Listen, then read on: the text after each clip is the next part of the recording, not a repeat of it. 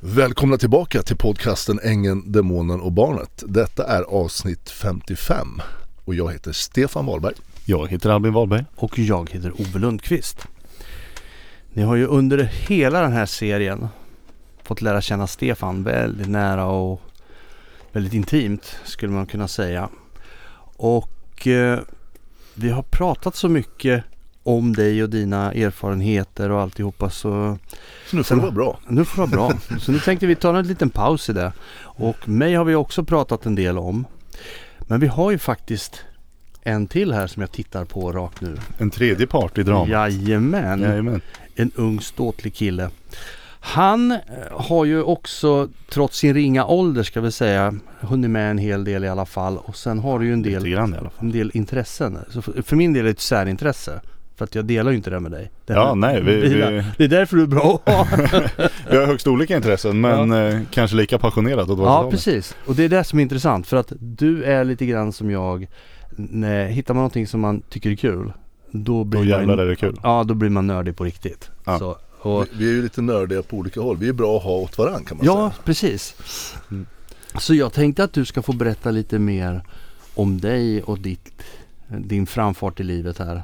Ja visst. Innan vi gör det ska jag bara skjuta in Ja. varför vi gör det här. Vi fick ju faktiskt feedback på när du berättade om, om, om, om din li- liv lite grann och vad Mm. du brinner för och vad du har gjort och sådär. Och då fick vi så pass bra av flera av er feedback och tyckte det var kul att ni fick nu lära känna även Ove. Mm. Och ni har lärt känna mig en hel del eh, genom, genom poddarna. Så då var det någon som sa, eh, är det Albin nästa? Ja. Det var där liksom, Och där är vi nu. ja den Där här är vi. podden föddes. Precis. Nej, och ja, nej, vi, vi har ju brinnande intressen för olika saker som sagt. Men eh, sen har vi också det faktumet att det kanske kommer bli ett lite kortare avsnitt för att eh, jag har ju som sagt inte le- levt riktigt lika länge som ni. Jag har än så länge inte haft några torpeder efter mig vad jag vet. Jag har inte gjort någon eh, ståtlig musikkarriär och varit på turnéer och härjat så jävla mycket. Men eh, Än så länge. Än så länge. av eh, efter uppvisat intresse från er lyssnare här så tänkte vi att ja, men jag berättar väl vem jag är och, så ni får känna mig lite grann. Mm. Och ja, vem är jag? Jag är en eh, 27-årig bilnörd summerat. Ja, då säger vi tack och hej. Ja, Nej. klart. hej. Man kan Nej. säga numera Nej motornörd. Ja, Ja, nej men allt alltså det, det är egentligen nästan. alltid varit allting med en motor intresserar mig. Det kan vara verkligen allt från en eh, ångmaskin till en bil till en symaskin till en fabrik till är, är det lite mekanik så är jag på någon Var skala du en sån där när du var liten som plockade isär saker för att se hur det Ja, fungerar? det kan du ge dig fan på att jag var. Skulle alltid bara, jo men det här ska jag bygga om och sen så Ja. insåg jag när jag var sju år gammal att jo plocka isär var jävligt lätt. Eh, hur får jag ihop det här nu? Det är lite eh, det, det var lite svårare emellanåt. Ibland gick det ju bra men, men vissa grejer gick man ju bet på. Jag har kort på när du var två år när du har en sån här plastmotorsåg och du har fått en plastbil att åka på och du ligger Mm. liksom seriöst under och ska då mecka med den Motorsågen. på bil. Men det, var ändå liksom, Man, du man skulle tog de mecka. verktygen man hade och Ja. försökte lösa problemet. Kan ju vara så vad problemet var var oklart, vad lösningen var var oklart men motorsågen Precis. skulle in i bilen. Sätta igång skurror i alla fall. Ja.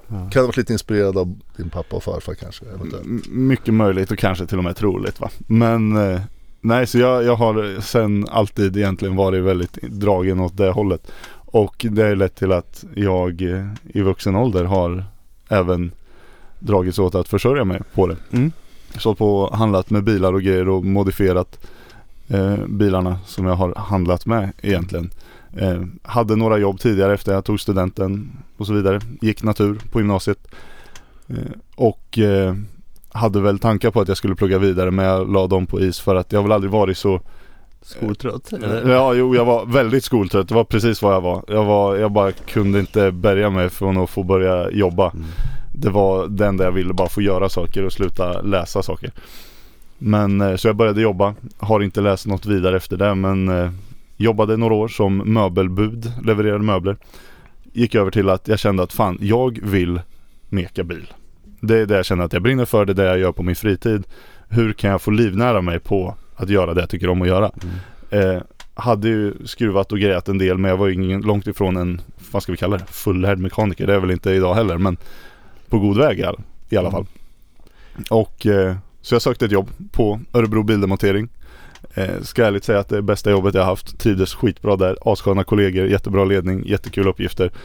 Eh, som sagt, trivdes asbra där. Så Det var ju lite syfte för att lära dig hur Ja bilar exakt, funkar. jag gjorde det för att jag satt då med flickvännen jag hade eh, och bara spekulera liksom bara, va- vart fan ska man söka jobb? För jag vill ju göra det, jag vill inte utbilda mig för det är lite sent och det finns inte direkt några högskoleutbildningar för att bli mekaniker utan det, det om man väljer det i gymnasiet och så här så då tänkte jag att okej, något jobb.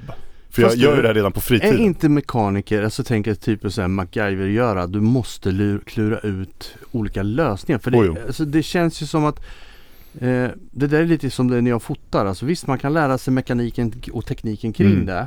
Som du med Ja. verktyg och allting. Men sen att lösa problemet, för jag ska kanske lösa en uppgift att ta en bild på ett speciellt sätt som en kund vill. Mm. Folk kommer in med en bil som har ett, eh, vad ska jag säga, odidentifierbart problem för Ja. stunden. Precis. Då måste du tänka till som fan och hitta det Och problemet. då tänker jag så här, ja kan någon högskoleutbildning ge dig de erfarenheterna? Nej, det är erfarenheter. Jo, jo jätte, jätte, jättemycket erfarenhet är när man ska bli bra på att laga bilar. Så är det ju tveklöst. En högskoleutbildning eller en gymnasieutbildning tar en ju en bit. Men det gäller ju att sätta igång och få något jobb där man kan börja lära sig och vara genuint intresserad av att lära sig. Eh, Då, då kan man ju bli bra på det. Men jag sökte det här bildemojobbet i syfte att jag ville lära mig det praktiska. Mm. För jag har, hade till, tills dess läst jättemycket. Och eh, kunde ganska mycket teoretiskt. Var väldigt insatt i ja, olika system och olika bilar och hur det funkade allting. Så jag kunde det teoretiska. Men jag kände att jag har inte liksom timmarna, det praktiska. Hur får jag det? Jag mekar ju så mycket jag kan med mina egna bilar. Men man kommer bara en bit på att hålla på med det man tycker är kul själv. Jag hade en gammal Volvo, jag hade en BMW 330 diesel som jag höll på att greja massa med. Eh, Så jag tänkte att fan, jag söker jobbet på Bildemo. För jag tänkte att Bildemo, det är mycket bilar som ska demonteras, de ska skruvas isär. De ska framförallt inte skruvas ihop igen. Så om någonting går åt helvete, det borde inte vara hela världen liksom. Man lägger Eh. delarna på några hyllor och sätter Ja, ja men exakt. Och då, det som kommer av helt, det sparas och säljs om något går åt helvete, ja det är väl synd. Ju mindre som går åt helvete desto bättre, men det borde inte vara hela världen. Eh, om jag har en liten inlärningskurva i det här. Och eh, jag sökte jobbet, gjorde väl ett bra intryck, fick det och jobbade där i två år ungefär. Och blev varse om att det var precis vad jag hade hoppats på att det skulle vara och Mm. det var den bästa skolan för att lära mig skruva bil som jag någonsin kunnat drömma om. För att eh, bland annat så hamnade jag sida vid sida med en eh, kille som idag är min bästa vän. Shoutout till dig Jesper, tack för allt du har lärt mig. Eh, han lärde mig massor. Han, var, han blev som en mentor till mig. Han fick som en inofficiell uppgift lite grann att bara, jo men Albin han, han har varit öppen med att han, han kan inte så mycket, liksom rent praktiskt, han har så mycket erfarenhet. Eh, så håller du koll på honom och ser till att det, det lirar för honom så eh, vore det super. Och Jesper sa att absolut. Eh, Och han blev som sagt som en mentor för mig första året och lärde mig massor. Eh, Så eh, vi blev sedermera också jättebra vänner för vi insåg att vi har jättemycket gemensamma intressen. För vi tycker båda, långt ifrån alla som jobbar på en bilskrot tycker det är fräckt att modifiera bilar och trimma bilar och hålla på och härja. De är, många ja, men, har ett jobb som alla andra. Liksom. Men eh, vi insåg ganska snabbt att vi var väldigt likasinnade när vi kom till det och vi lirade väldigt bra på ett personligt plan också. Mm. Så som sagt, han är min närmsta vän idag och vi, ja som sagt, har en jättebra relation som jag uppskattar massor.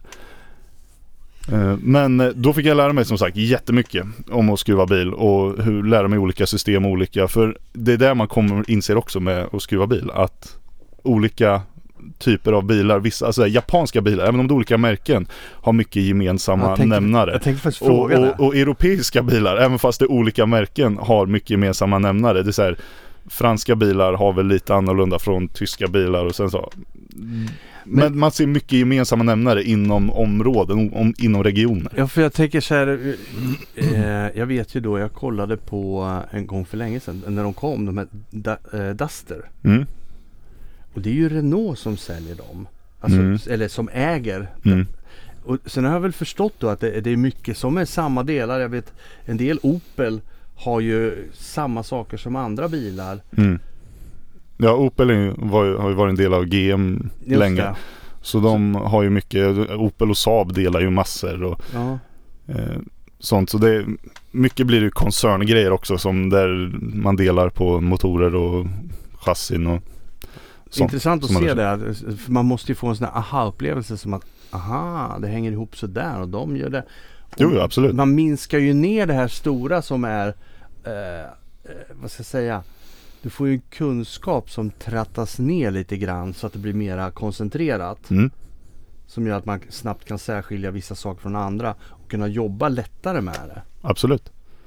Nej, och det blev jag ganska varse om. Som sagt, jag var ganska tekniskt, eller inte tekniskt, jo teoretiskt är väl ett bättre ord, kunnig redan innan. För jag var som sagt genuint intresserad och Mm. läste hela jävla kvällarna när jag inte skruvade med mina egna prylar. Eh, Men det praktiska blev man väldigt varse om där. Att det, man behöver båda delarna. Mm. Och det är bara hands-on erfarenhet som faktiskt ger en eh, hela vägen där man behöver för att bli en anständig mekaniker. Mm. Så eh, det, det fick jag. Och efter två år på bildemo så kände jag att fan, det är kul att skruva med bilar men det vore ju ännu roligare att skruva med roligare bilar. Mm. Kände att kul är kul, men kul plus kul borde bli dubbelkul. Ja. Så eh, då gick jag över till att, för jag höll på med bilar redan vid sidan om då bara som hobby. Tänkte att jo men det här ska jag väl försöka livnära mig på. Och eh, där är vi idag ungefär. Att jag gör det sen, ja vad är det nu? Fyra år tillbaka, fem år tillbaka. Mm. Gått igenom Någonting. ett antal roliga bilar. Ja, så har det blivit. Det har varit en jävla massa spännande. Eh, faktiskt om man ska vara ärlig. Och det du gör det är ju inte meckar så, så folk som lyssnar förstår. Du, du gör ju vä- väldigt lite förutom när Ove ska byta någon broms och sådär. Så kan du byta bromsback men annars så du, du, du, det du gör är ju inte normalt kan man säga. Nej, jag- jag är inte mekaniker. Jag hand- handlar ju med bilar. Ja, fast, Ja. Och sen så, ja du bygger ju om dem och förädlar dem och Ja. förfinar dem. Och du, Ja. det, är det är det du tycker är kul. Precis. Ta in ett objekt och sen om man- Göra det så- till en bättre version av Ja. Ta, ta förra ägarens vision och eh, applicera min vision och göra den till något jävligt bra. Mm. Har varit, vad ska vi kalla det, affärsidén. då, då konstaterar jag att det finns ju många halvfärdiga projekt där ute. så- En väldig massa. Ja, Men sånt där tar ju tid att hålla på med. Enormt mycket tid. Ja, jag ska Det ju, alltså, vi pratar ju om egentligen att restaurera eller renovera. Mm. Det är ju där det handlar om. Mm. Och har man då den här kunskapen om den här mekaniska biten, alltså motorn och alltihopa, drivlinor och allting. Mm, Det är väl en sak. Sen kommer ju nästa. Det är ju inredningsdetaljer och det Ja. är lister. Ja, men alla, allt sånt där som ingen människa vill hålla på med känns det som. ja, nej. Ja, men du, du gör ju egentligen, jag, kan, jag är ju med på ett hörn och jag tycker det är jättekul. Mm, Du är ju min son med, så, men, men vi är vuxna och har fått en vänskap med men jag tycker det är jättekul att vara Mm. med på ett hörn. Jag har sett dig göra i princip allting. När det, jag menar du har byggt en lackbox själv, gjorde du det testar jag vid på. något tillfälle eh, med plast och trädelar så mycket man kan rätt utsug och Mm. du lackade en hel bil liksom. Så och den, den bilen vart ganska schysst i lack. Det var ingen utställningslack. Men, men jag kunde ändå stå bakom det och säga att jo men det här Ja, är en okej får- lack. Eh, bilen blev fin och man, man kände att det var, det var en schysst lack. Mm. Men jobbet det innebar att lacka en bil resulterade i att jag numera lejer ut det Mm. externt helt Ja. enkelt. Eh, när bilar ska lackas för att det är mycket jobb och det är någonting man kan inte göra allt även om man skulle vilja. Och jag känner att det är en av de grejerna som jag med gott samvete kan leja ut. Mm. För att som sagt det jag är mm, intresserad av, det min, mitt hjärta brinner för. Mm. Det är ju det mekaniska. Mm. Att få hålla på och bygga om och uppgradera saker. Men det är mycket lättare för någon som har en riktig lackbox. Ja, Alltså, ja, ja. riktig utrust- Ja men de som har kan- erfarenheten. och- Alltså det är en så det sjukt det så lång mycket- inlärningskurva Ja. för att bli Mm. duktig på att Ja. lackera och allt underarbete och Ja. eh, Där pratar vi Min farsa var ju Verkligen. eh, han lackade, var billackerare också eh, under en period och eh, jag var ju med honom väldigt ofta när han eh, hade sina jobb och gjorde och var med och maskade och slipade och spacklade och slipa och allt det här var jag med och hjälpte till. mm. Så jag har ju varit inne i den ja, som du vet barn eller ungdom och, och gjort det. Men jag har aldrig lackat själv. Det, det fick jag inte göra. jag ska få slipa här. Ja, men, och grejen med nu, kan man ju nämna, det är att nu kommer en helt ny generation har gjort sista åren med lacker som inte är med det här lösningsbaserade, medbaserade lackerna utan det är ju vattenbaserat. Så det är förhållandevis väldigt, väldigt liksom, det, det är inte så farligt alls som det var förr i tiden. Lackar, alltså man, förr innehöll ju lackerna bly och allt möjligt skit. ja. Det var ju vansinnigt giftigt. Men sen så kan man väl inte påstå att de är helt ofarliga idag heller. Nej. Det är ju fortfarande Men någon form av förtunning och Mm. grejer i det som inte är helt hundra andas i sig. Men nej, så, så lackeringar det, det läggs ut Mm. numera. Men du har haft det några år, om man ska feedbacka lite, så har du, du, du, du har liksom provat i princip Ja, alla, ja, alla bitar. grejer. Allt från göra inredning till, till Man måste veta vad det innebär. Du hade ju någon Camaro inne, någon första generationen här där motorn inte gick bra. Mm. Jag bara får fortsätta berätta själv. Som bara plötsligt så bara ser jag när jag kommer ner och säger hej jag ska kolla hur det går för. Då bara har du rivit ner motorn i minsta, alltså mutter och bult. Alltså verkligen, det låg ut en lång, Ja. lång rad. Hela motorn, block, allting helt isär. Det fanns Mm. ingenting som satt ihop. Och då tänkte jag bara, ah, jag var tvungen att göra det för att se vad som är fel med den. Det sa du då. Och så bara tänkte jag, okej, det här var ju... Men Ja. du fick ihop den. Ja, ja, nej absolut. Och Nej, den gick ju ja. superbra, bättre än vad den någonsin Ja, ja, ja. Nej, absolut. Och det var ju, jag hade ju konstaterat att det var ju problem i botten på motorn. Och då var det inte mycket annat än att bara riva skiten och eh, By- byta V-ståndslager och lite annat. Ja, det lite alla möjliga lager och grejer som behövde bytas på Mm. den, kolvringar och helvete. Men eh, nej fan, man, man fick ju ställa sig där och, och sen en gammal V8 är ju inte jättekomplicerad. Den är väldigt lätt i konstruktionen. Men sen så, ja, det är inte så stor skillnad från en ny bil heller om man Vad, ska vad säger vi om det Ove? Vi kan ju riva ner en V8 i molekyler. Ja, det, ja, det är inte så svårt. Nej. Jag satt faktiskt och kollade bara det här med bilar. Jag Ja. följer en kille på Youtube. Han har köpt en sån här riktigt exklusiv bil. Som har varit vattenskadad. Som, eh, alltså den åkte ju i någon, eh, någon storm när den drog upp massa vatten. För Mm. liksom, låg under vatten. Så han köpte den för inga pengar alls knappt. Men så skulle han ju då renovera. Och han har ju fått verkligen plocka ner den i minsta detalj. Det är sand och det är vatten. Det var ju vatten i motorn liksom. Mm. Så det var ju verkligen det du pratade Ja. om. Plocka ner och lägga ut allting. Och sen få tag på delar till det här. Det, det är ju Mm. intressant. Mm. Bilen är inte klar. Han, det här är ett projekt Okej, som pågår. på. Alltså det är Mm. ganska nyligen som han, eller nyligen men ett halvår sedan kanske. Men han håller på fortfarande. Rätt intressant att följa honom. För han är lite som du. Ja. Det, det går. Mm. Och kan han inte, då ja, men då, men han tar reda på det. För det var Ja. därför jag sa det med MacGyver. Mm. För han får göra så här MacGyverigt hela tiden. Och få tag på reservdelar som kanske En del kostar ju svinmycket. Men då finns det samma delar som är till en annan bil av ett Mm. annat märke men det är exakt ja. samma tillverkare som kostar kanske en tiondel Mm. Så än vad originalgrejen kostar. Det finns ju massa sådana roliga exempel. Eh, Där eh, Lamborghini Murcielago till exempel Mm. använder samma gasspjäll som eh, Volvo motorer diverse från början av 00-talet. Mm. Så köper du den hos en Lamborghini-handlare kostar det 15 000 eller något. Men går du till Volvo så kostar det 2. Mm. Och det är samma del bara att Lamborghini har satt en liten etikett Ja, över. Volvo-etiketten. Eh, Jag har- såg har faktiskt en som, hade, ja, som gick och pillade bort. Ja, så, Från en Lamborghini så var det Ja, Volvo. precis. Ja. Nu ett till också exempel i samma Lamborghini där men det är massor med märken som gör det. Använder ju samma strålkastare som Nissan 300ZX på Lamborghini Diablo till exempel. Och Aha. satt en liten kolfiberlist över Nissan-gjutningen i, i glaset och så var det färdigt sen. Då var det en Lamborghini-del. Eh, och nej, så, så massor sånt finns det om man håller på. Nu är det inte riktigt den typen av bilar jag håller på med. Jag, det har ju varit mer jänkare för det är dit jag dras när jag får Jag tänkte fråga dig, fritt, att det här med gamla bilar och sen så jämför den mot nya. Alltså vi kan inte ha Mm. min bil som är relativt ny. Ja. Den är ju, det är ju en dator på hjul. Mm, det är lite så. Eh, hur, hur ställer du till det? Alltså, Nej, alltså och meka med så är det ju på sätt och vis tacksamt så länge bilen är ny och fräsch och Mm. någonting går sönder så att alla felsökningsprocedurer funkar som de ska. mm. Då är det väldigt tacksamt att hålla på med en ny bil för då kan det bara att ah, fjärde glödstiftet är dåligt eller gi- givaren på avgaskammen är dålig eller den andra avgas NOx-sensorn är dålig. Alltså så här, man kan få jättekonkret Ah, vad den här delen är dålig.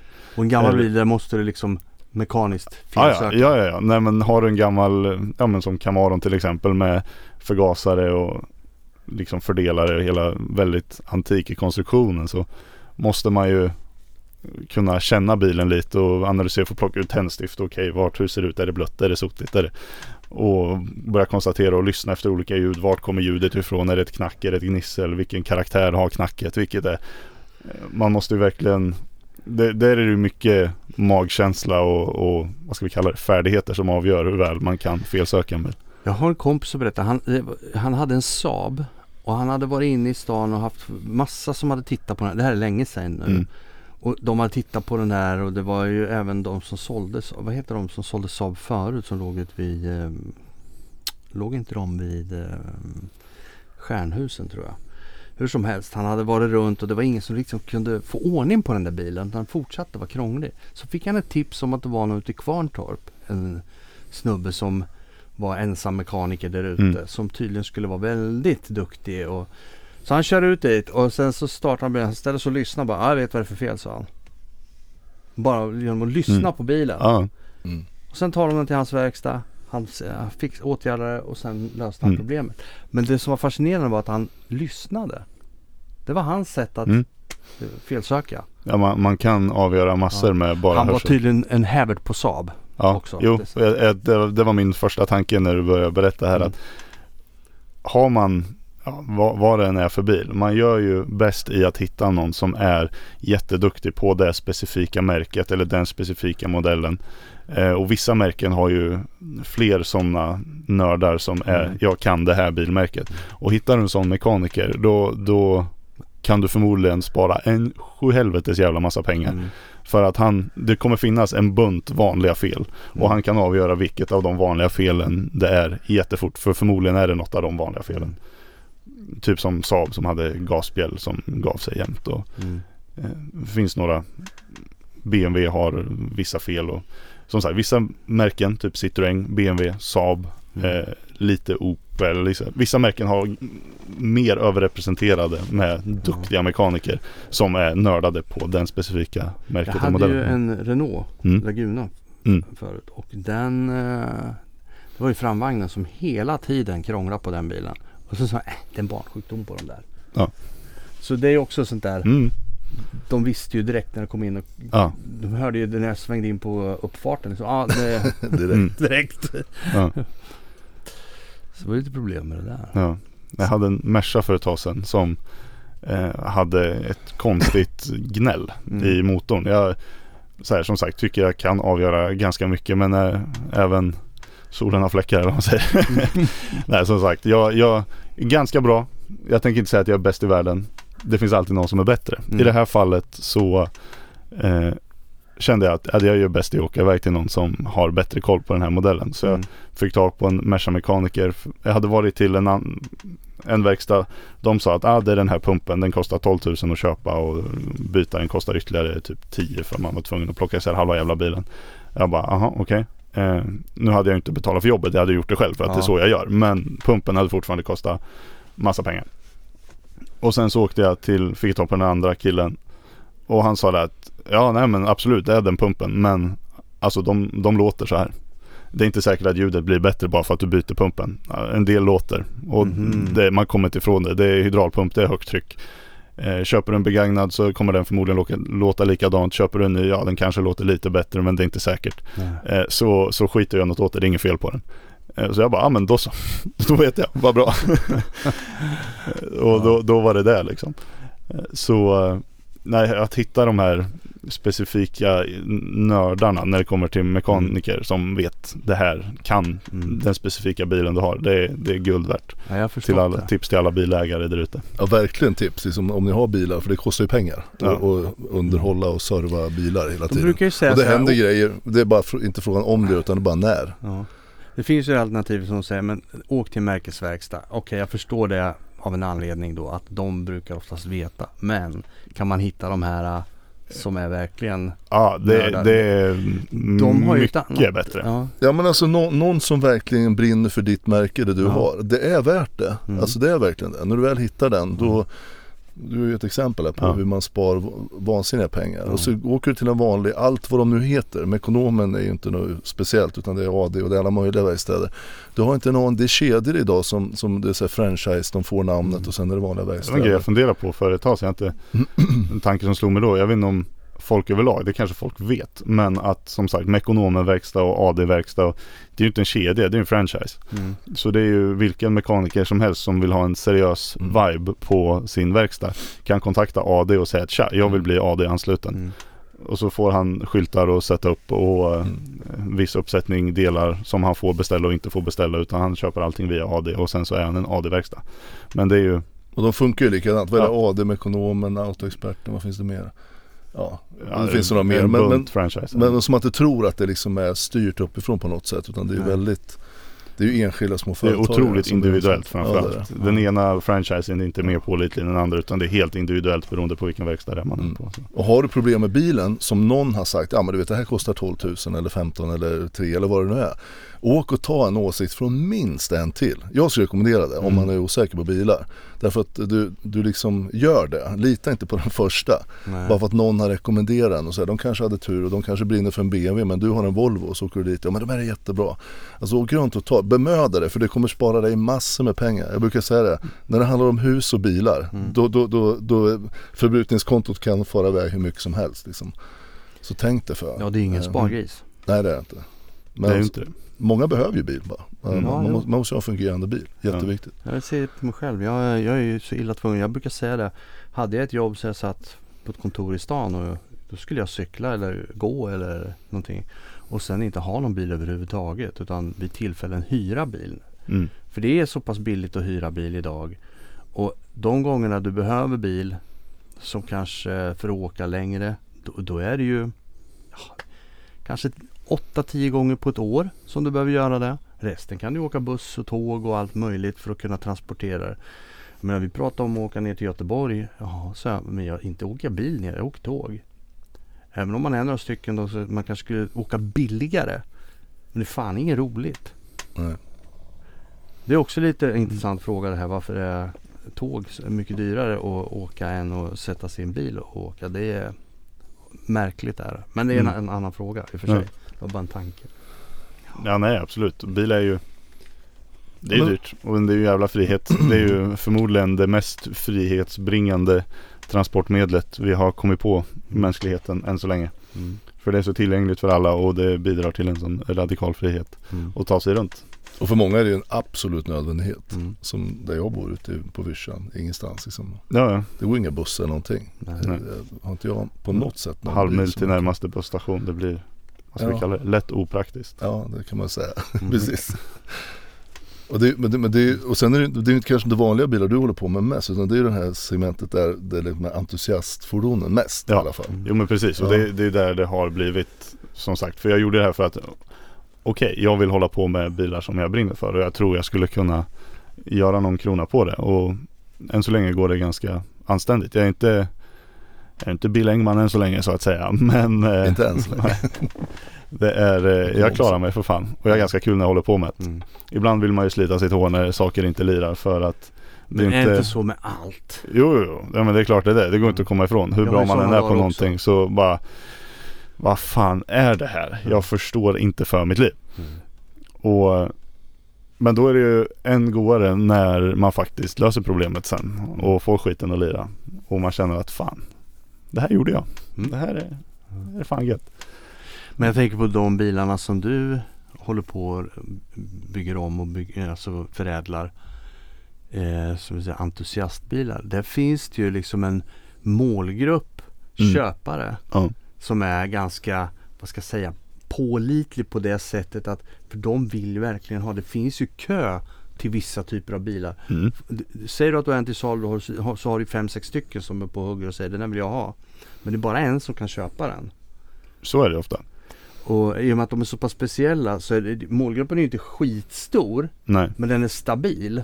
Den, den är väldigt liten men väldigt stark. Ja precis. Det är ingen som bara, ja, funderar på en jänkebil för 300 000, 400 000. Det kanske skulle köpa. Utan det är ju de, de som köper de bilarna är ju ofta väldigt, de brinner ju för det. Ja, och de vet de vad kom- de kostar. Ja, de, de kommer inte inte ha en bil eller köpa en bil eller göra något med en bil. De, de vet vad det kostar exakt och är väldigt starka i det intresset. Mm.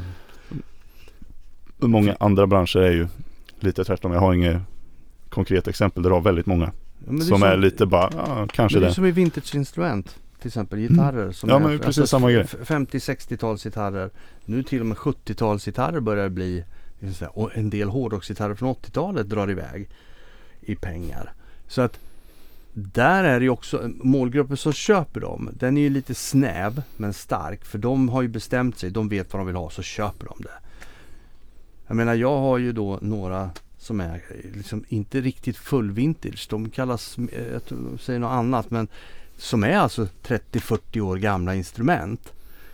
Men sen finns det de som är 50-60. Det går ju mm. in under vintage-kategorin.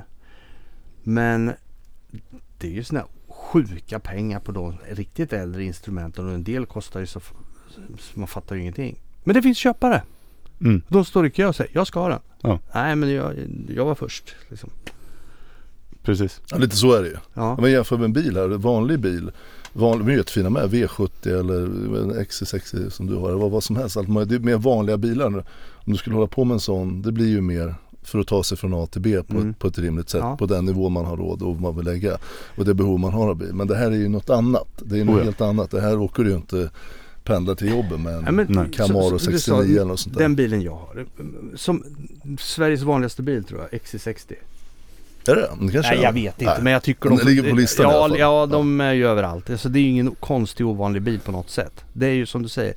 Ta det från A till B och åka mm. komfort, fyller ett helt annat syfte. Ja det fyller ett annat syfte. Ni hade ju en Corvette. Mm. Eller du hade den. Ja. Och eh, den var ju också pippigul. Och den, var, ja, den, var, den vill jag ha. Ja. Det var bara att jag, jag är inte tillräckligt mycket entusiast för att lägga de pengarna på vad en sån bil kostar. Nej. Alltså, men jag skulle, hade jag, hade jag varit det, då hade jag köpt den bilen för att ha att, säga, låt oss säga nöjesåka med. Mm. Men att liksom ha för min egen pleasure. Och sen åka Volvo när jag behövde liksom jobba och ta mig från A till B och alltihopa det. För en sån där bil mm. den drar ju en del sås också. Så att det är klart att det blir dyrare att driva den. Så är det ju. Och jag menar åka en man åker ju inte en Corvette till vardags. Det är en del som gör det. Ja, jo, men... jag, jag, hade den och körde med en liten stund bara för att det var roligt i några dagar eller några veckor ja. eller vad det blev. Och eh, kände ju ganska snart att jo men det är fränt och jag, jag tycker att det, det hela essensen med bilen är ju fantastisk. Men eh, det blir ju inte en bil som är kul att bruka på samma sätt Nej. som man går miste om mycket komfort. Som sagt, ja. den drar ganska mycket. Nu drog inte den här jättemycket för är en ganska modern bil. Jag körde en blandad körning på 1,2 liter milen ungefär. Och det är mycket med moderna mått mätt när en bil drar 0,5-0,6 liksom. Men eh, och så här, introducerad in i bilvärlden med gamla Volvo 7940. Det, det var det är normal förbrukning. Ja. Så. Eh, men Nej, så om man kan leva med den lite För jag menar, jag har haft bilar, jag hade en Hummer för några år sedan som var ja, 12 tum höjd när jag köpte den. Men jag höjde den 2 tum till. Eh, som var 14 tum höjd i eh, ramen och eh, hade 44 tums däck på. Oj jävlar. Ja, ja, så det var en enorm jävla bil förmodligen. Jag, jag, ska inte svära på det men jag skulle gissa att det är Sveriges högsta Hummer. Mm. För att det, det, är det värsta höjningskistet du kan köpa. Som jag höjde ytterligare lite och byggde om och de typ största däcken man rimligtvis kan sätta på en bil. Så... Intrycket var, det var en Hummer H2. Intrycket var ju alltså monster truck, alltså man fick ja, den känslan. Ja, det var ju svårt, du och jag är ju långa men det var ju svårt till och med att gå upp. Ja men man, man, fick, man fick tänka det var klättra lite ja. grann. Det är inte där man slänger upp svärmor. inte direkt, inte direkt. Så den bilen som referens här. Ja. Bensinmotor, 6 liters V8. Körde, den har 100 liter tank. Körde Jönköping, Örebro. Och när vi kom till Örebro var det dags att tanka. Där pratar vi! crap!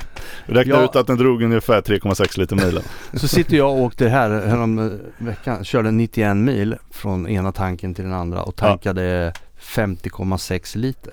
Ja, precis. Mm. Räkna ut den lite skillnad. Ja, 0556 fick jag ihop det till. Det är rätt bra.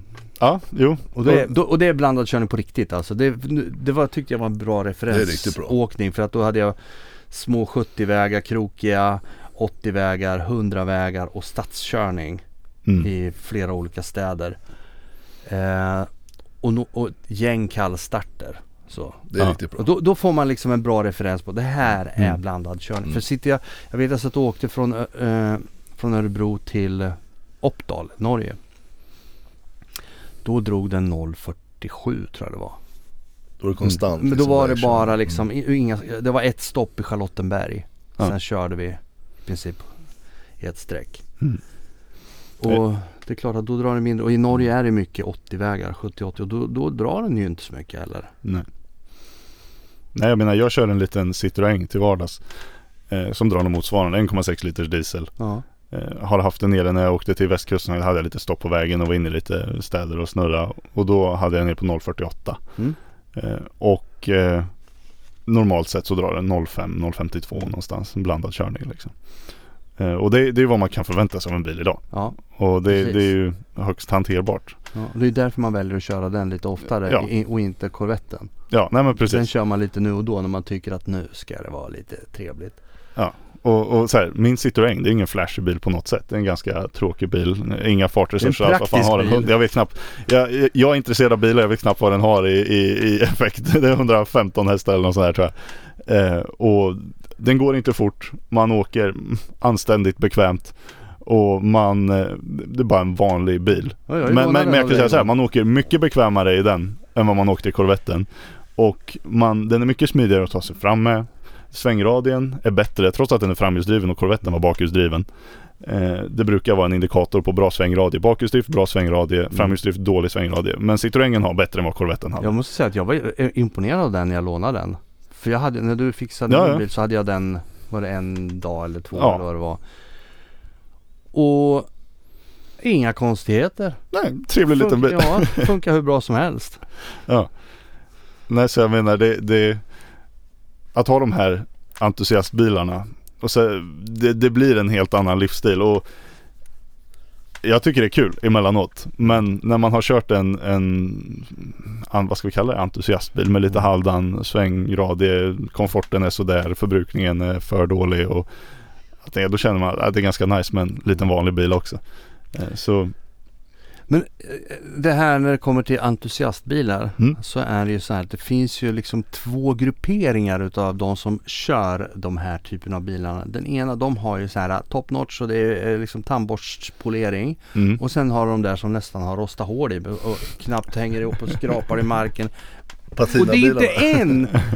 Nu ska, jag, nu ska jag berätta något intressant. För jag var i Valdemarsvik och det var tydligen något eh, classic-event där med båtar och bilar. Så det var Mm. sådana här raggarbilar och entusiastbilar och alltså eh, allt ifrån Corvette till g- gamla skevor och Mm. Buick och sådana här.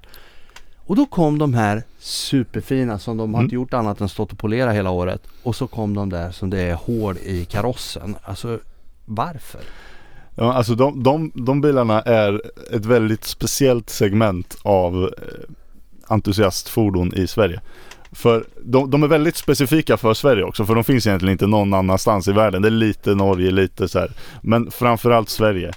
Och eh, det man ska veta med många av de här, långt ifrån alla, men många av de här de har ju sett ut så här i 40 år. Mm. Alltså många av bilarna, de här eh, pilsnerhäckarna Mm. är ju, ja men som de kallas, är ju har ju gått liksom bytt ägare och bytt ägare och ta, tagits om hand om. Många Ja. är väldigt fina under Mm. men de kan vara renoverade så de är ramlyfta och folk har lagt ner hutlösa mängder tid och energi på ja, men ombyggda med luftfjädring och fina motorer och eh, som sagt ramarna är ja, upplackade och renoverade. De är inte förstärkta tänkte jag säga men eh, Sen så ska du ha karossen som ser ut som sju jävla svåra år.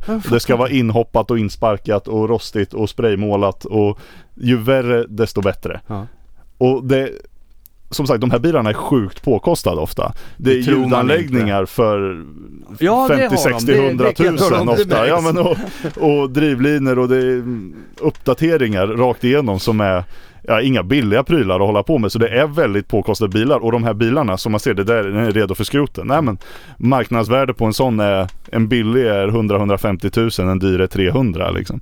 Och folk betalar enorma summor för dem för att utseendet är något som folk vill ha men undersidan är omhändertagen.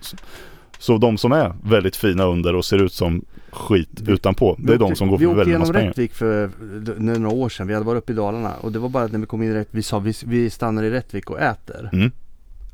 Det var ju sådana här jävla, eh, Rättviksveckan. ja, det hade vi inte en aning om när Nej. vi åkte den vägen.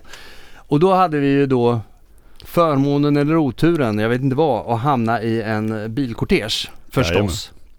ah! Ba, vi hamnade bakom just en sån här pilsnerhäck.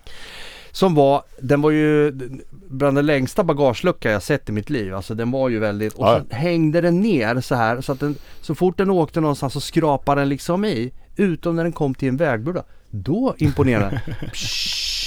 Har jag nog skit. Ja, Så ja. lyfte den upp Det och så körde den över och sen släppte den ner den där. Men det jag reagerade på Ja. det var att den hade en väldigt effektiv stereoanläggning kan man väl Oh ja. säga. För det där det var som ett helt PA som bara go, spela. Mm. Intressant. Ja, ja. Nej, ja men det, då fick jag en förklaring på det där för att jag har Oh verkligen undrat. Och det var, i det här kortegen så det var fler som såg likadana ut. Det var ju Och sen fanns det de där som var überpolerade. Mm.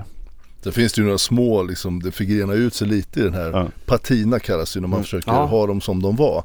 Vissa av de här är ju pilsnerhäckar om man sa eh, längst ut och de, är ju, de används ju liksom. Det är fullt med folk i dem och de används fullt ut. Ja, man Men de hoppar är, på brukar och- ofta vara fortfarande väldigt bra maskinellt sådär. De pysslar ju om dem som central besiktning och sådär. det, det ska sägas att det finns en del av de här som är precis så risiga som de ser ut att vara. Och eh, det finns en del som inte kör med svenska plåtar för att det, då ser man hur många gånger den har fått underkänd besiktning utan det sitter eh, bosniska eller polska eller tyska eller valfria jävla plåtar som inte är svenska som är svåra att ta på. Exakt. Får de Och, åka med sådana eller? nej, Nej. det får man inte men man kanske kommer undan en liten stund längre än om man hade haft de egentliga plåtarna på det. Men sen finns ju de här bilarna som, om att gå lite till de här finare, som, som faktiskt är lite, det finns en liten smal även i USA runt om, där de, där de ska likna liksom som att de har stått, tagit dem direkt från Nevadaöknen, men de, Precis, det en men de, där, där pratar vi att nästan, Ja. där ska man ju då ramlyfta dem och göra allting, bromsa, Mm. allting är superfint, men man behåller Men det är så karossen och nästan klarlackar den som den är Ja. i så, så solblekt och så, lite lite solrost som den har blivit. Ja, nu det har ju blivit en, ja. och de Absolut. kan stå rätt så högt. faktiskt. Absolut, Ja. absolut. Så Så det är är det. de du menar lite grann också. Ja, jo nej men exakt. Det, Mm. det är två olika segment av bilar. Det finns de här, som sagt, väldigt specifikt för Sverige, pilsnerbilarna. Eh, och de är ofta, det finns någon i, i gruppen här som brinner för och som har kostat på pengar på den här bilen. Eh, och sen så är det en, en bunt. Många av, i de här kretsarna är trevliga. En del är lite, lite för, vad ska Vilda. vi kalla det? Lite, vild, lite för vilda för sitt eget bästa kanske. Eh, det, det är väldigt spridda skurar även där. Så bilarna är jag väldigt fascinerad av. Jag är fascinerad av kulturen också. Men det, det, kulturen kring dem är ett annat kapitel, så kan vi säga. Mm.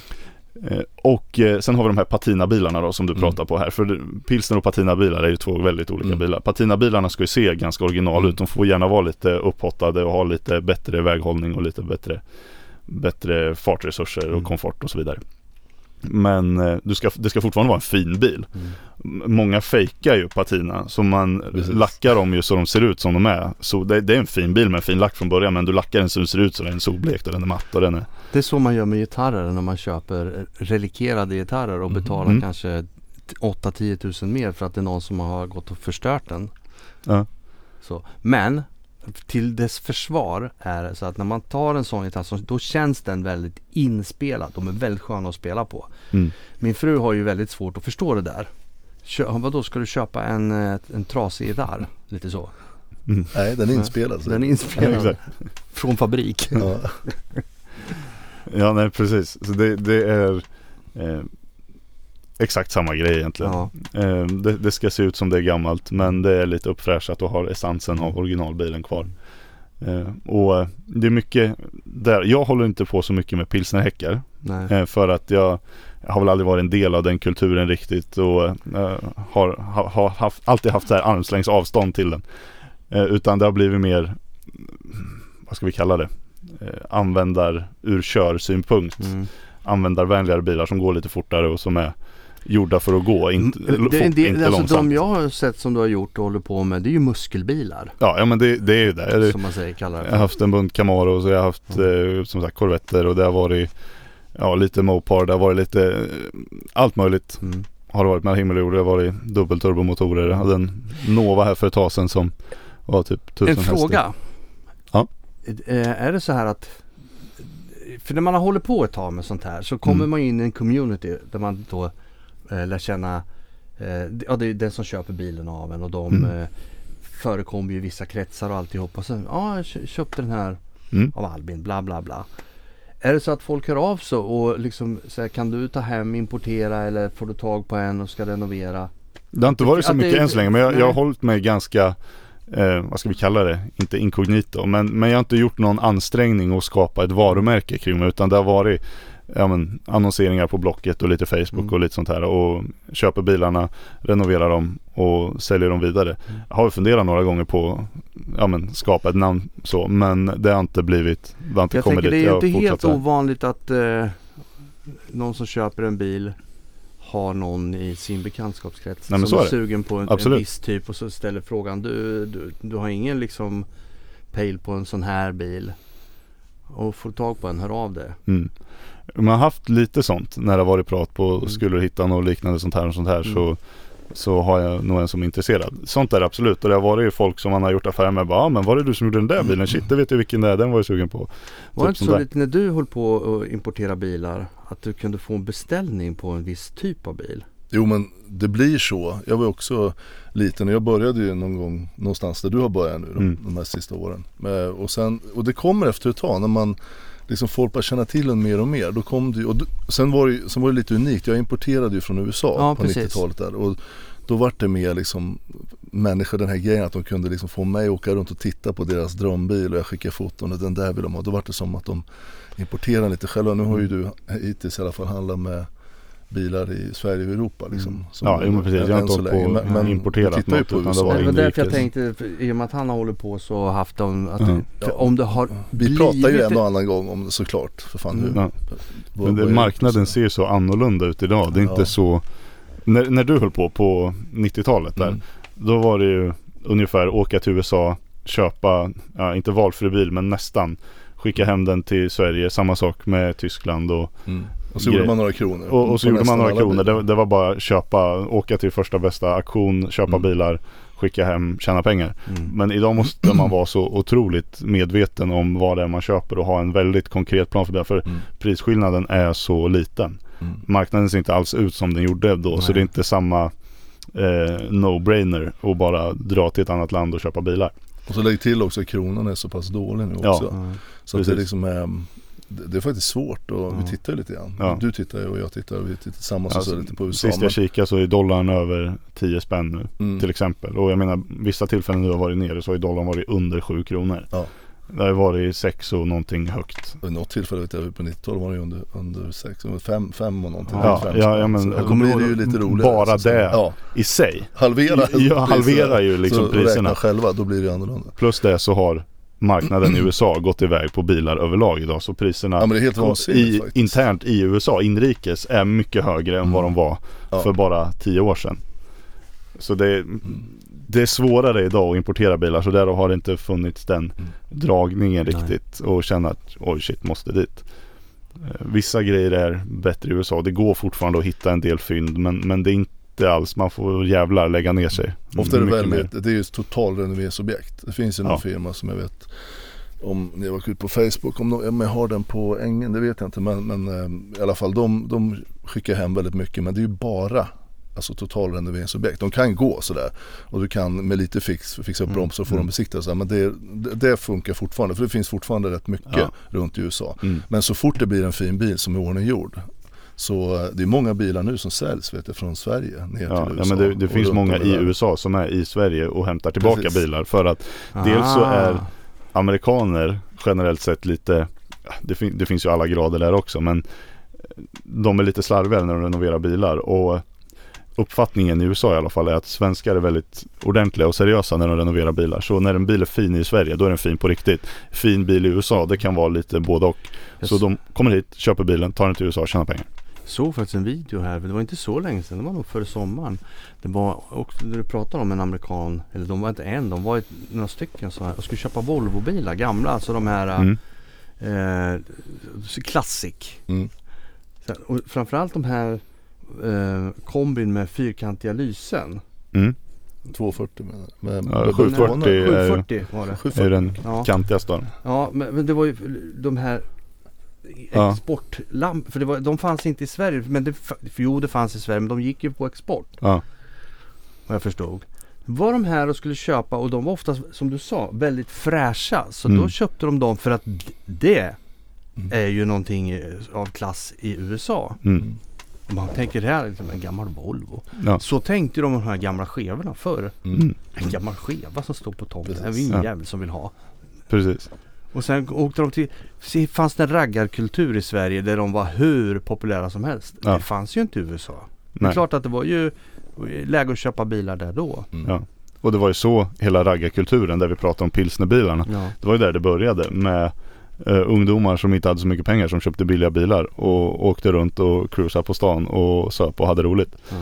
Eh, och för det var ju därför man köpte de här gamla skevorna och grejer. För de var stora och de var billiga. Mm. Eh, det var ingen som ville ha dem för det var gamla äckliga fula bilar. Men idag så är det gamla stora dyra bilar. Ja, jo, jag vet. Men de ser lika äckliga ut. Man pratar om prisutveckling och så, här, så brukar jag ta den ibland. Jag vet, det här är 90, ja, början av 90-talet, eh, slutet av 80-talet. Då vart jag erbjuden att köpa av en kompis kompis som hade en Mustang Fastback, en 66 De kom ju 65 tror jag. De populäraste är väl 67, 68 men 65, 66 är också väldigt, står väldigt högt. Ja. Då hade han en sån eh, manuell, spelar ingen roll, V8, ja, okej skick.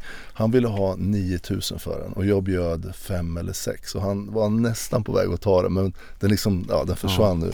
Och nu en Mustang Fastback 66 det är ju liksom 100 300, gånger pengarna. 350 och uppåt. Ja. Du hittar ingen oavsett skick under 300 liksom. Och de kan stå i dubbla också om de är fina. Så det var andra tider då. Ja. Och då var det liksom, ja. Även fast det var, kronan stod annorlunda så var ju det väldigt lite Fast det är så här, det finns ju vissa saker som har sån här prisutveckling som bilar, mm. gitarrer. Mm. Pratade med min kusin om det där. Han spelar keyboard. Han säger den prisutvecklingen den går ju helt åt andra hållet istället. Det är ju bara prisras. Du tar den där och så går du utanför butiken så har Ja. den liksom halverats i värde. Men en gitarr, Utan de gamla syntarna. ja, d- precis. Juno 106, De här, de här gamla. vintage-syntarna, de har ju legat kvar och Mm, liksom är mm. det fortfarande finns pengar i dem Mm. och så. Men eh, instrument, alltså, eller gitarrer, de går ju en prisutveckling som går ju uppåt. Nu gör inte alla det förstås ska jag säga, för en del de dyker ju. Men eh, det finns ju som, vissa som drar iväg. Jag menar jag Mm. hade en, det här var ju på 80-talet, köpte jag en gitarr av min eh, morbror och eh, jag gav 1500 för den. Sålde den sen, nej jag bytte in den kanske tre, fyra år senare. Fick 9000 för den och gav 1500 liksom. Mm. Och det var bara på kort tid. Hade jag haft kvar den idag så hade jag säkert fått 120-130 000 för den. Mm. Men det är ju Ja, det, det är inget jag är ledsen över. gitarr- Men det är bara ett Ja. Du konstaterande. kan ju gitarrbranschen också. Det är ju Ja. vissa gitarrer, det är samma som alla gamla bilar. Alla genom jänkare står ju inte högt. Nej. Det finns ju vissa som bara... Det finns, ju någon- ge- generellt, det finns en generell trend med gamla bilar Mm. att de stiger i värde. Men vissa stiger ju väldigt långsamt och andra bara tok Mm. eh, stegrar ju så det Mm. finns ingen hejd på det. Finns ju några modeller typ som en första generationens Dodge Charger liksom. Mm. Eller ja, andra generationen blir det väl tekniskt sett. 68 till 71 är det väl, 72. Eh, alla de står ju, ja men du, du får inte en sån under 300 000. Det är lite som fastbacken. Men, Mm. men så här, en risig Charger är 200 000. Det är helt otroligt. Och, eh, Och en, en, en fin är är det en och en totalt. halv miljon. Mm. Och eh, nej så det den typen av bilar. Men då är det också ofta Det finns två läger som är intressanta för mig här när jag håller på och handlar med bilar. Det är de som är väldigt noga med att göra originalrenoveringar. Mm. Den typen är inte jag. Jag bygger om bilar. Mm. Eh, köper ofta bilar som behöver väldigt mycket jobb och redan är modifierade i olika steg.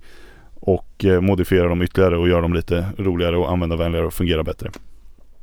Eh, så jag har haft, haft en bil som jag bara känner att den där bilen. Det var en blå Camaro. Jag hade den för, det var, det var ganska tidigt när jag höll på. Eh, som jag känner till dags datum att den bilen ska jag ha igen Mm. i mitt liv. Det är inte sista gången den är i min ägo. Den var, ta mig fan perfekt. Eh, och eh, bara för de som är nyfikna så tänkte jag att jag kan lägga upp en bild på den på Instagram Ja, så får ni det. se vad, vad enligt mig är den perfekta bilen. Om vi pratar Det kommer upp entusiasm. ibland sådär. Ja, ja, nej, Den men jag, bilen jag, som man jag kommer att äga den bilen någon gång igen i Men mitt var liv. så- grejen var att den var Ja, så var, smakfull. den, den var perfekt alltså. Jag, jag Från alla vinklar och Eh, färgsättning, hur den funkar. beskriva den lite enkelt för någon som inte kan Nu blir det poesi mina damer och. Ja, ja, ja. En gammal första generationens 1968 års Camaro. Det är en kantig muskelbil. Det är en bil som byggdes för att konkurrera med Ford Mustangen. Det är en mindre jänkare med dagens mått mätt en stor bil men det är en mindre muskelbil. Eh, Den är kantig men ändå väldigt elegant och den här specifika blåa Camaron eh, har gråa SS-ränder. Den hade en liten unquetch spoiler, en liten diffusor fram.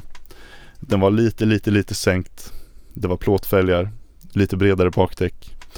Det var en skeva småblock, 355 manuell låda, svart inredning, Lång växelspak. lång golvspak. Den här bilen var det, det, en muskelbil blir inte fetare än den här bilen.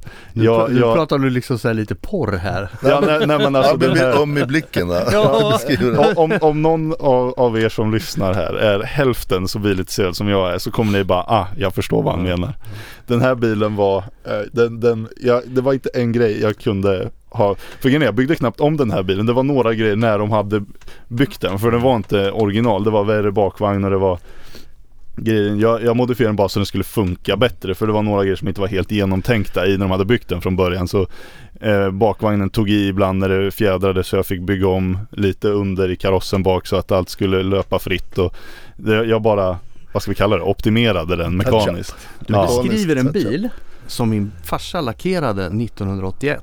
Varför Ja. kommer jag ihåg det? Jo, för han lackade min moppe i samma färg. Ja. Det var en djup blå metallic. Mm. Den här Camaron den fick, eh, den var djupblå metallic fast den hade eh, vit klädsel och, och vit, vitt tak. Mm. Var det vinyltopp då Mm. eller var ja. det? Ja. Ja. Det, det är fräckt. Mm. Det, det, det är inte vad jag personligen hade satt på en bil men för kulturvärdet, Ja. kultvärdet Det är skitfräckt med Mm. vinyltak Mm. det, det, det är old school som fan Så det var samma vinyl i, eh, eller läder eller vinyl vad det nu Mm. var i hela inredningen. Allting var vitt. Mm. Vit ratt, vitt, Ja. vitt, vitt, vitt överallt. Mm. Och sen den här Ja. djupblåa metall. Fet Skitsnygg kombo. blå ja. Mm. var det. Det är ju, man kommer in på det här som vi pratade någon gång om, jag vet inte om jag nämnt det i podden. Jag hörde någon förklara, någon forskare som pratade om gravitoner och hur saker och ting dras till varandra. Jag tror vi har haft uppe det någon Mm. i podden. Och både människor och saker dras till varandra. Ibland så vet man inte varför man känner för någonting, man bara gör det. Ja. Och alltså alla, du hade ju den och körde med och så har du berättat att när du åkte med människor så bara alla älskade bilen bara. Alltså jag, jag hade inte den här bilen så länge Men varenda gång Jag tankar den tre eller fyra gånger under ägandet av den Varenda gång var det någon som kom fram och kommenterade någonting Att oh, shit jag hade en sån här när jag var ung eller oh, jag har en kompis som har en sån här, fy fan vad fin och oh. Alltså det, goda reaktioner överallt hela tiden Råkar du veta var den där bilen befinner sig i dagsläget? Jag har regnummer på den sparat det att, som lägger sagt, vi inte ut på Ja, det. det, Nej, det, nej. det här biljäveln ska bli min. Jag kommer inte gå ut med det regnummer för något. Nej men, eh, så, Du vet, nu kommer alla hålla utkik ja ja ja, 100 procent, jag förstår ju det. Nej men, Ja, eh, det, det, väldigt, det är en fantastiskt fin bil som jag känner att, och grejen är, får jag inte ta på den bilen så kommer jag bygga en likadan. Alltså det, det ska vara, den, den var så smakfull. Det var en riktigt, riktigt fin bil. Mm. Eh, Och eh, som sagt, bara just den, den, den lirade så med mig på något djupare plan. Jag bara tok älskade den. Mm. Och sen den väckte så goda reaktioner överallt. För det är det som är så kul med en del bilar. Att när man åker runt, som sagt, min kära vän Jesper, han har en helt annan typ av bil. Det är en Austin Healey av 1900, nu får du ursäkta mig Jesper, jag kommer inte ihåg, 58? Kan det vara det? 56? Kommer inte ihåg exakt årsmodellen. 50-tals Austin Healey. Mm. En brittisk liten cab, om ni vet hur gamla MG-cabbar ser ut. Det var en Japp. syskonbil till den, så den är i Mm. princip exakt likadan. Och det här är en bil som jag knappt får plats i, för den är så jävla liten. Det är en cab, men vi, om vi åker i den tillsammans kan vi inte ha taket på. Det är knappt att han får plats och han är en bit kortare än vad jag är. Jag har liksom ansiktet över vindrutan när vi åker. Alltså det, det är en pytteliten bil. Men det är också en bil som väcker så Mm. mycket reaktioner från folk. Vart man än stannar, vid vilket rödljus som helst. Är, typ- man sitter ju typ på bilen för att den är så liten. Men så man kommer väldigt nära alla runt omkring. Men det är alltid folk som bara fet bil, häftigt, När jag, var, jag var kul." liten så hade vi en granne som hade en MG Mm. sån cab. En, den, den har ju väldigt speciell mossgrön. Ja. Ni som vet, ni vet. Den är väldigt speciell. Så han har brunt tak. Alltså Ja. som brunt Mm. lädertopp. Mm. Som man fällde ner. Men jag vet vad du menar. För Ja. jag var ju så pass liten när jag åkte Mm. den där. Så för mig var det inga problem. Jag för, kan för, när man tänker tillbaka. Så som vuxen att sitta i den där. Det kan ju inte vara någon jävla höjdare. Nej, det nej beror alltså på, tro mig det beror som... på vilken storlek du är född som. Ja, jag, jag, Ja, jag ja, kan ja, intyga lite att grann, en- 1,91 lång här. Det, det är en bil jag skulle vilja ha på ett sätt men inser att jag, jag, jag skulle aldrig kunna leva med att ha den. För jag, jag har försökt köra den och det går knappt. För jag, jag får knappt ner benen förbi ratten. Alltså det här är små jävla bilar. Eh, så när vi är ute och samma- åker, då är det han som kör. Och jag sitter bredvid. Ja. Dels för att det är hans bil, så jag föredrar om han kör. Ja. Och för att jag, även om jag skulle försöka köra, så går det knappt. Det är inte Du trafiksäkert. Jag har, ja, nej, alltså jag, jag har knäna över ratten nästan. nej, men det överdriver lite grann. Men det är, det, det är trångt. Så, så eh, det är ingen bil jag skulle rekommendera för någon som, som en annan är lite längre. Nej. Men till lika med Camaro så skapar den samma, han kommer ju Ja, ja, ut- och det, ut det är det som är den gemensamma nämnaren. Alla älskar den. med och då bara, den, den bara, För vissa bilar, som sagt, har haft otroligt mycket bilar. Som Hummer till exempel. Väckte enormt mycket uppmärksamhet. Varenda jävel kollar på den. Och det var förmodligen fler som spontant tittade efter bilen och vände sig om när man passerade. För den drog uppmärksamhet som inget annat jag varit med om i mitt liv. Konstigt. Ja, jo, men högst förståeligt. Men eh, den, det var inte så många som var fram och pratade och liksom tyckte, kommentera på att den var frän och det på samma och sätt. på Exakt. Eh, så, så det blev liksom en annan typ av upplevelse. Men just de här typen av bilarna som, som väcker så mycket goda reaktioner, som skapar så god stämning och folk Mm. liksom mår bra av att se dem.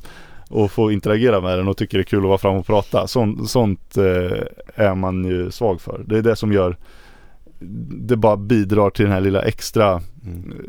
vad ska vi kalla det? The cherry on top. Mm. Grädden på moset med hela entusiasmen som jag har själv för det. Mm. Sprida lite well-being. Ja, Och det är ju kul med muskelbilar som du har haft också ett gäng.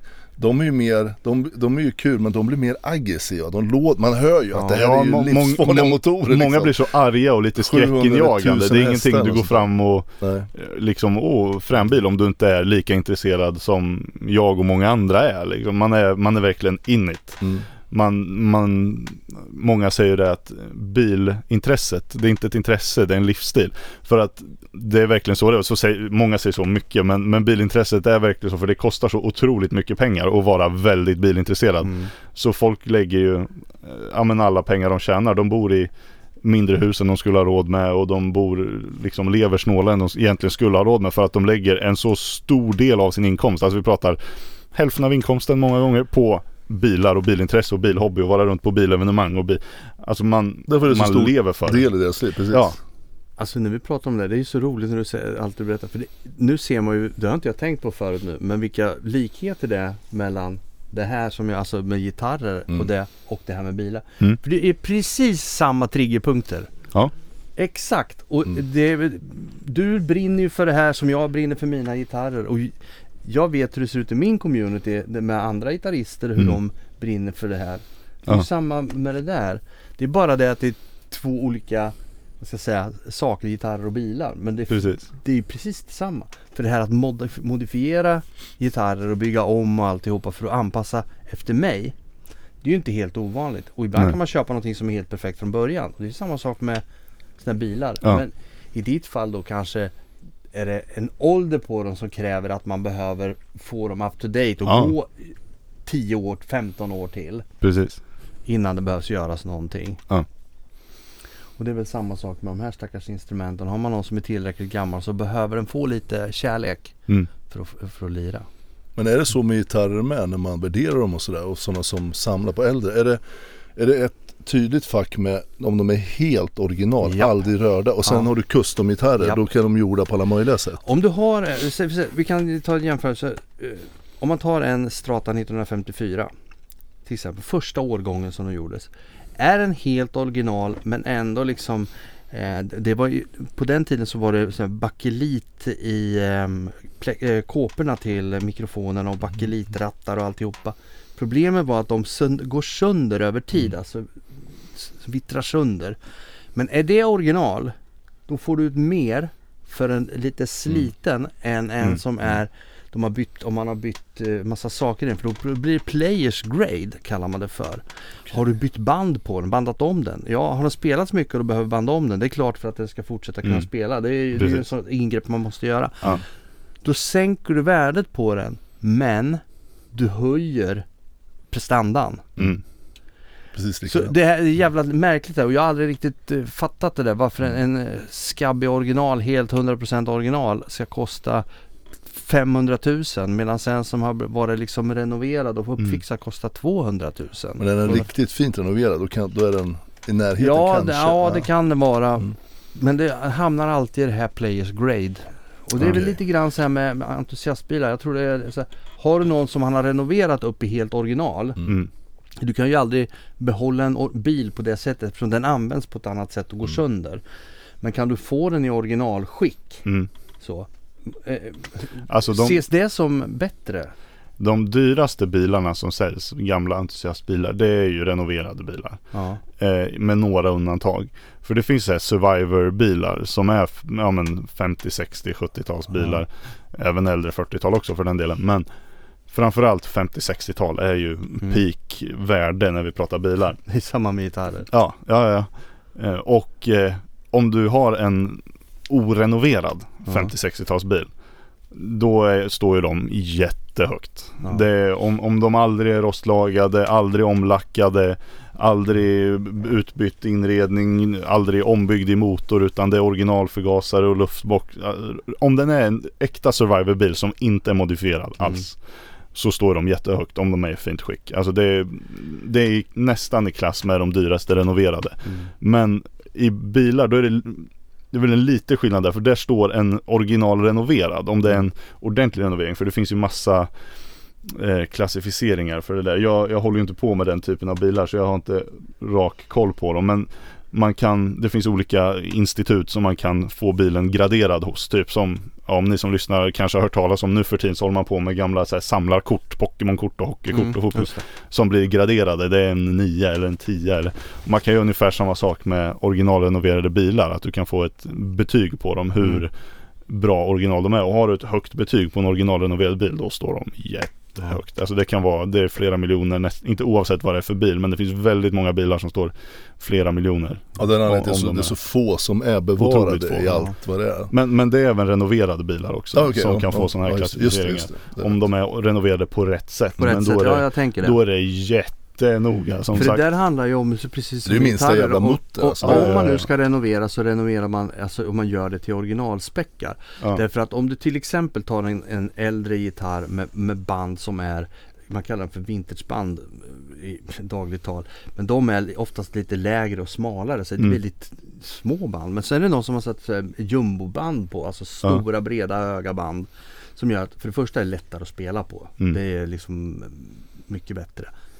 Men det är inte original. Nej. Och då helt plötsligt, då har man avvikit från det. Då är man helt plötsligt inne på en player grade bara för Mm. man har satt någonting som är bättre. Och då Ja. åker värdet ner. Precis. Fast gitarren är bättre än den andra. Men det spelar ingen roll. skit, skitmärkligt fenomen. Mm. Men det är så det är. För det, det finns så otroligt mycket samlare som samlar på de där. Som gör att och värdet är ju bestäms utav marknaden och tillgång och efterfrågan Mm. och vad folk är beredda att betala. Precis. Det är ju samma sak med bilar. Ja, ja. Du skulle kunna, vill ingen köpa en, en Camaro så skulle du kunna köpa den för 30 000. Ja. Därför att det är ingen som tycker att nej jag vill inte betala mer. Nej. Då är det där. Precis. Men sätter man då nolla till på det till 300 000 som det är nu Mm. förmodligen. Ja. Då är ju det för att marknaden är beredd att betala på Exakt. det. För det finns köpare som Precis. Och, och precis som jag utgår ifrån att det är med gitarrer så är det ju med bilar att det finns ju samlare som har enorma summor pengar och spenderar så vedervärdigt mycket. Eh, vi pratade innan podden här om eh, ett exempel på en sån, Jay Leno. mm. Eh, en eh, talkshow-host för er som inte känner till honom. Jag, jag antar att han är ganska allmänt känd vid det här laget. Men han är ju otrolig bilnörd. Mm. Och alltså av rang. Mm. Han har, ja, jag, jag vet inte hur många bilar det är men det är utan bekymmer ett par hundra. Ja jag har sett. Och han, Han har ett par hangarer Mm. och alla är utställningsskick. Mm. Och han är lite kul för mig som bilentusiast för han är ju inte bara intresserad av att ah, det ska vara fina bilar. Han är ju verkligen, han har ångbilar Mm. till exempel och han har mycket specialfordon. Han har en, han har en hangar för bilar, alltså helt och hållet specialbyggen. Ser ut, stuket är 40-50-tals Formel 1 men du har stridsvagn och flygplansmotorer i på typ 30, 40, 50 liter slagvolym. Alltså en, en motor idag är ju mellan en och två liter. En stor motor är 3-4 liter. Men ja, går vi över på jänkarna så kanske det blir uppåt 6-7 liter. Det är det största som går att få tag på liksom i nya bilar idag. Men det här, vi pratar alltså en liten sån här motor är 20 liter slagvolym och en stor är uppåt 50. Det är enorma motorer Mm. eh, som de sätter i bilar och, och bygger jättehäftiga byggen av. Eh, så, och, och vad, vad ett sånt här bygge går- ett sånt här bygge går utan bekymmer på någon eller ett par miljoner. Ja. För han, han då som sagt har ju massor med folk anlitade som håller på och sköter om dem Mm. och bygger dem. Och, eh, så just entusiastmarknaden, om man kan pinpointa vad marknaden söker Mm. och vad marknaden suktar efter så finns det ja, pengar att tjäna på det. Och det är Det där tänker- jag försöker vara och hitta vad, vad är trendigt just nu, vad är det Vad folk är ute efter, vad Ja. skulle jag kunna göra med den här bilen för att höja värdet mer än, än bara det det kostar liksom. Höja försäljningsvärdet. Exakt. Ja. Det är inte sagt att det höjer värdet men det höjer försäljningsvärdet. Ja, ja. Det är ju det är som det. är intressant. För att det är, det är också För finns det folk som vill ha den då är Mm. de beredda att betala vad den Ja. kostar. Precis. Så är det. Jag menar jag vet ju hur jag gjorde här alldeles nyligen. Ni har ju sett när jag köpte en gitarr som kostar en del pengar. Vad jag gjorde för att finansiera det var att liksom plocka bort lite annat som jag hade för att eh, komma upp i, i de pengarna Mm. istället för att lägga ut massa så här. Men vem är det viktigt för? Det är viktigt för mig. Jag ska ju spela på den här gitarren. Det är ingenting. Han, jag, han som hade haft den var en samlare. Mm. Den hade legat i ett case i 20 år. Sen hade den spelats lite innan. Den ser ut liksom vara nästan flångny. Men den var lite småtrött i början. Så här. Men trä som har stelnat till, det vaknar upp och rör på sig och börjar vibrera när man sitter och spelar. Mm. Så efter två dagar, helt plötsligt var det som någon drog ut en propp. Så här, poff, och sen bara sjöng hela gitarren. Rätt intressant. Mm. Därav tycker jag det så här, när det hamnar hos samlare så finns det en risk att man förstör ett instrument och det är lika, Mm. likadant de som köper en bil som bara står för att folk ska titta på den. Den kan ju absolut aldrig må bra av den. Den måste ju startas och åkas med Ja, ja, en, en bil mår lika illa av att stå som den gör av att användas jättemycket. Mm. Eh, Så också ytterligare tips till er som tittar efter bilar här. Om ni kollar på en bil som är säg 10-15 år gammal och har gått 3000 mil. Se inte det som bara positivt. För den har förmodligen gått väldigt mycket korta sträckor, vilket är dåligt för en bil. Och den har förmodligen stått väldigt mycket, vilket också är dåligt för en bil. Eh, Då är det så- bättre att ha en nyare bil som har många mil. Jag personligen skulle Ja. hellre köpa en tre år gammal taxi som har gått 50 000 mil än att köpa en 15 år gammal bil som har gått 2000 mil. Mm. Ja, jag förstår dig. För att man, åldern tar ut sin rätt på bilar.